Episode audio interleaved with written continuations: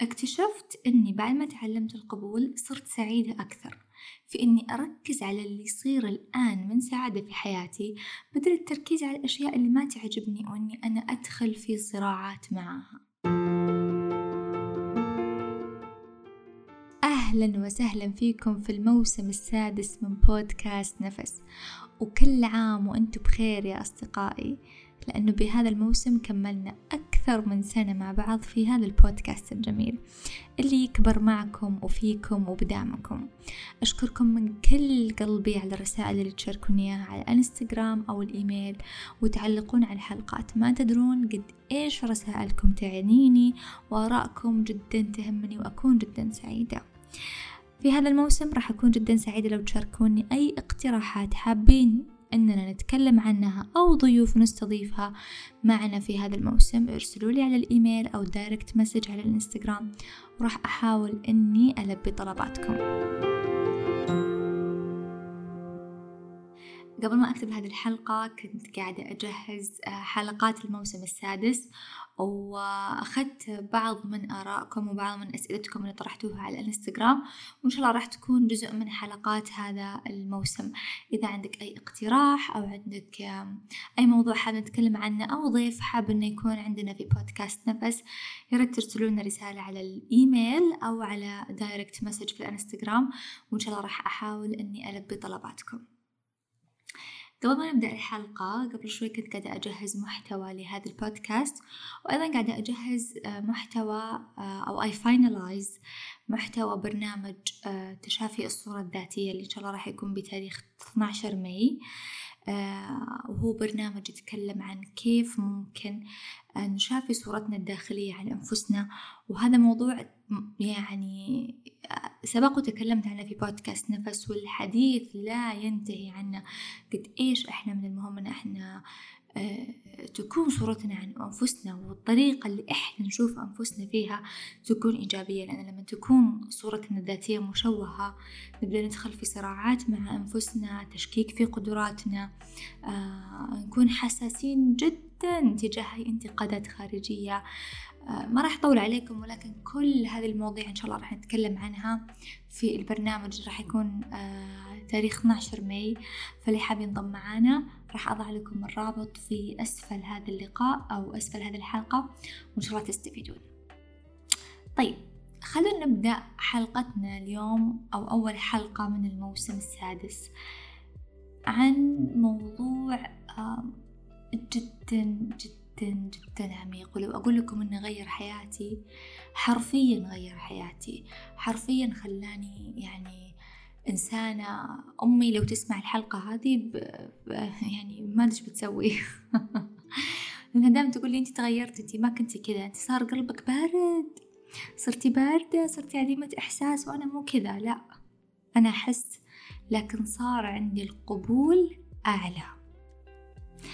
أول ممكن كنت أنفعل على صغائر الأشياء. أي شيء يصير عكس ما أنا أبي أعصب أنفعل أزعل. ممكن الزعلة تمتد أيام. ممكن أتنكد وأنكد على البيت كله. بعد ما تعلمت القبول وبعد ما بدأت أمارسه واشتغلت على نفسي كثير في هذا الموضوع صرت مختلفة تماما. آه صارت الحياة أسهل بالنسبة لي. الأشياء اللي تعاكس تياري.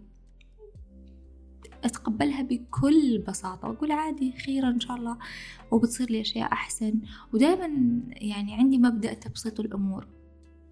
مش شاطرة فيه في كل الجوانب ولكن الحمد لله ثمانين بالمية أقدر أقول إني آه، قادرة إني أتقبل أحداث الحياة اللي تصير معاي اللي تكون معاكسة لاتجاهي. هذه الصفة أو خلينا نقول هذه المهارة اللي بنتكلم عنها اليوم اللي هي القبول. لازم نجتهد عشان نقدر نكتسبها. حتى لو هي مو فينا بالفطرة لازم إنه إحنا نتعلم أننا تكون هذه الصفة فينا. القبول صفة عميقة وعظيمة ورائعة وأشوف أن كل شخص لازم يتعلمها ويحاول يمارسها في حياته. آه، من ست سنوات زي ما قلت لكم تقريبا بدأت أشتغل على نفسي أني أنا أتقبل. أتقبل أحداث حياتي أتقبل أشخاص في حياتي سواء مقربين أصدقاء أتقبل صفات ناس مختلفة عني. آه، أتقبل آراء ناس مختلفة عني. وحطوا تحت هذه مليون نقطة ترى مو سهل إنك تتقبل آراء ناس تختلف عنك أو آه، مبادئ ناس تختلف عنك.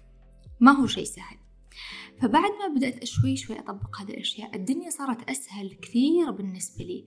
أحداث حياتي صارت تمشي بشكل أسرع ممكن تتفاجئون إيوة نعم.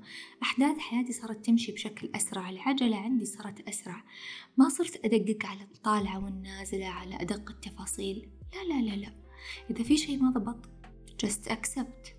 فقط اقبلي وتمشي العجلة. ف ولله الحمد ما أعلق كثير في مراحل طويلة.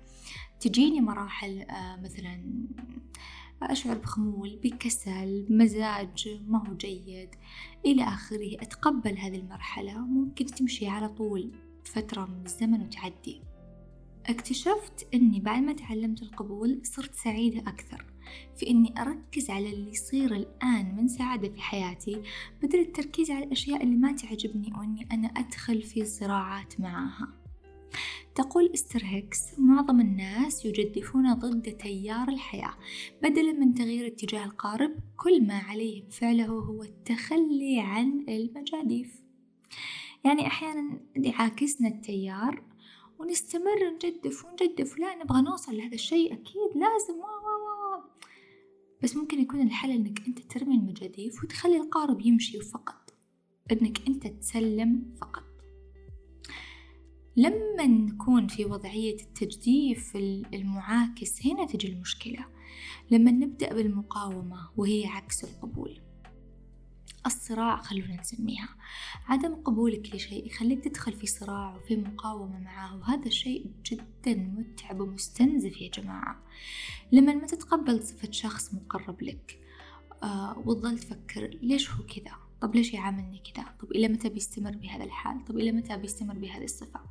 وتدخل في هذه الدوامة أو لما تدخل في صراع مع حدث من أحداث حياتك. ليش وظيفتي كذا؟ مثلا أكره هالمكان آه، في أنظمة ما تعجبك فما تتقبلها إلى آخره. في أشياء نقدر نغيرها ونسعى لتغييرها في حياتنا لكن في أشياء ما تتغير. وصعب تتغير والتغيير خارج عن سيطرتك يعني مو شي بيدك. وهنا يكون القبول يلعب دور جدا كبير. مثلا أنك تتقبل صفة عند أهلك أمك أبوك زوجك أخوانك أو أي شخص مقرب منك. ما راح تغيرهم. أنا أقول لك من الآخر ما راح تغير شخص. ما في أحد يقدر يغير أحد أوكي؟ هذا الشخص عايش كل حياته بهذا الطبع وبهذه الصفة. هل تعتقد أنك أنت اللي بتحدث التغيير؟ لا. أجل إيش الحل؟ خليني أشاركك بعض الخطوات اللي ممكن تساعدك في المرونة والقبول لأحداث حياتك أو الأشخاص اللي موجودين في حياتك. أول نقطة لازم تؤمن أن الدنيا متغيرة.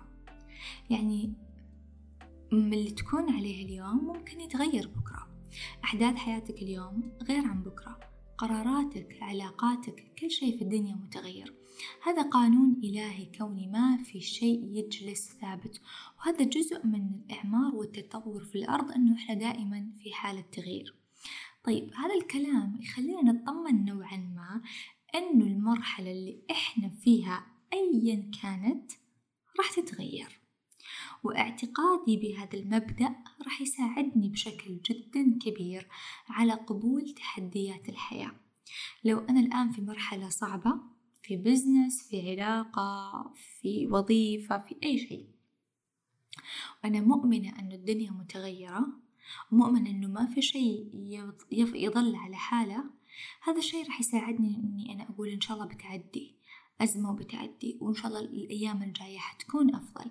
فإذا من المهم أني أنا أؤمن أن الدنيا راح تتغير والأيام القادمة حتكون أجمل بدل ما أني أنا أكون مركزة فقط على المشكلة. اثنين راح أشاركك تمرين بسيط وسهل وكلنا نقدر نطبقه. هذا التمرين راح يساعدك أنك أنت تعرف الأشياء في حياتك اللي أنت تقاومها. يعني مثلا بدل ما أنت عايش في مرحلة المقاومة بشكل جدا كبير لأشياء كثيرة أنت ما تعرفها هالمرة من خلال هذا التمرين راح تعرف الأشياء اللي تقاومها.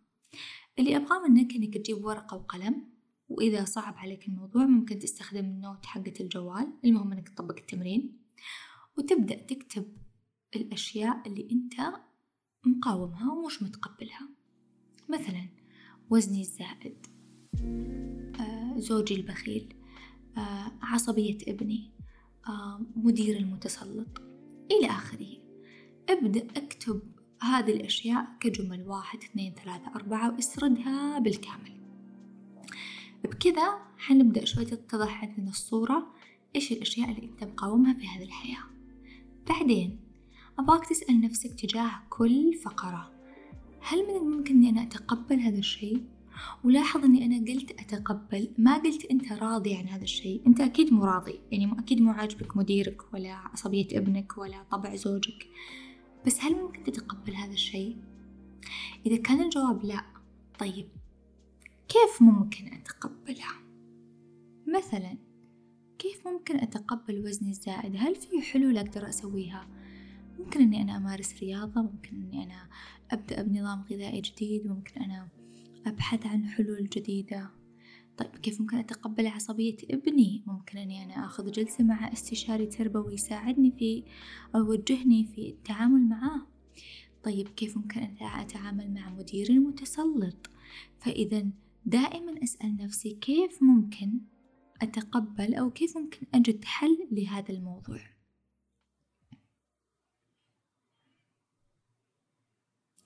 إذا في شخص في عائلتي أو في حياتي أنا ما أقدر أتحمل أسلوبه إذا من الحلول إني أنا أبتعد عن الجدال أو النقاش مع هذا الشخص لأني أنا ما أتحمل أسلوبه. إذا أحاول إني أنا أجد منفذ أو طريقة تساعدني أن أتقبل هذا الشيء لأني ما راح أقدر أغير أحد. ثلاثة الدنيا package أذكر مرة في شخص قال لي سماح ترى الدنيا package قلت له إيش يعني؟ إيش قصدك package قال لي يعني في كثير أشياء حلوة في حياتك. عائلتك مثلا أمك أبوك دراستك آه، تخصصك مثلا الحمد لله توفقتي فيه وضعك الاجتماعي في كثير أشياء حلوة في حياتك. بس إلا ما تلقين فيه كم شيء مو كامل. ممكن علاقة لك مع شخص في عائلتك أو في صديق أو مع مدير أو موقف معين مر عليك أو ممكن مرض أو ممكن آه، وضع مادي. فخلينا نعيش الباكج. وهذه الجملة ما أقدر أغير أحد. إي نعم ما تقدر تغير شخص. لا زوجك ولا أبوك ولا أمك. للأسف مو كل الناس نقدر نصلحهم وجزء من رحلتنا أن إحنا نتقبلهم. كل واحد عنده شيء في حياته كل واحد عنده شيء في هذا ال package الباقة في هذه الحياة. أنصحكم تسمعون أول حلقة من هذا البودكاست. آه لو تذكرونها اسمها الدنيا وردية. تكلمت فيها بالتفصيل عن أن كل شخص عنده في حياته شيء معين ولكن اللعبة أنك تتقبل كيف هذا الشيء. لو مثلا عندك زوج أو أبوك بخيل ما راح تغيرينهم. لو مديرك متسلط أو أسلوبه سيء ما راح تقدرين تغيرينه أو تربينه من جديد. هو كذا. أربعة. طيب ليش هو كذا؟ أحيانا بل غالبا وجود شخص تقاوم صفاته أو أحداث تقاومها هي لحكمة أو لرسالة في حياتك لما بنت أو أم أو امرأة تقعد سنوات تطلب من أبوها المال وهو بخيل عليها هل بيتغير؟ لا طب إيش تسوي؟ إيش رسالته؟ رسالته إنها تقوم وتشتغل وتشد حيلها ويمكن يكون سبب إنها تفتتح مشاريع وتصير امرأة مستقلة ماديا في حال فهمت الرسالة.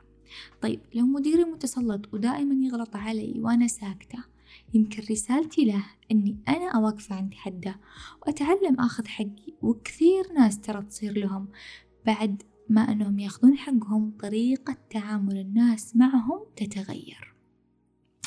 إذا اسأل نفسك واسأل الله أولا طبعا إيش الحكمة أو إيش الدرس اللي لازم أتعلمه من هذا الشخص في حياتي؟ راح تلقى جواب حتى الأمراض لها رسائل. طبعا هذا موضوع ثاني مختلف ولكن تأكد أن كل شيء في حياتك لحكمة قبل ست سنوات تشخصت بحالة معينة في الساق عندي وكنت دائما أقاوم هذا التشخيص. ما كنت مصدقة. وتمر أيام وليالي وأنا أبكي ليش أنا كذا؟ ليش هذا الشي فيني؟ ليش صار لي هذا الشي؟ معقولة بقضي كل حياتي بهذا العرض. استمرت هذه المقاومة خلينا نقول خمس سنوات. بعدها جاء يوم خلاص زهقت. زهقت من البحث عن حلول زهقت من البحث عن الأسباب من كل شيء. أذكر إني كنت أكلم صديقة من صديقاتي المقربات لي وهي أيضا مدربة. كنت أقول لها أنا زهقت من الوعي ومن عالم الوعي ومن التدريب ومن البحث عن الحلول ومن الرسائل الأمراض. خلاص ما عاد أبغى أعرف ولا شيء. أبغى هذا الشيء موجود في حياتي it's okay I'm fine. أبغى أتعامل معاه خلاص. ما عاد أبغى أركز عليه.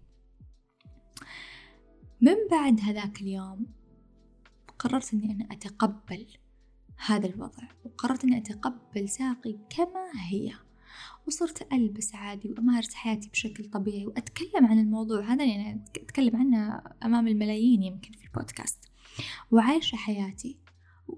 مع ذلك إلى الآن أبحث عن حلول وعلاجات ولكن متقبلة هذا الشيء في حياتي. لأنها ساهمت لي بأشياء جدا كثيرة وأنا أبحث عن العلاج أو أنا أبحث عن طريقة للتشافي. خلتني أقابل معلمين كثير خلتني أسافر لبلدان خلتني أدخل مراكز خلتني ألتقي بأشخاص كثيرة.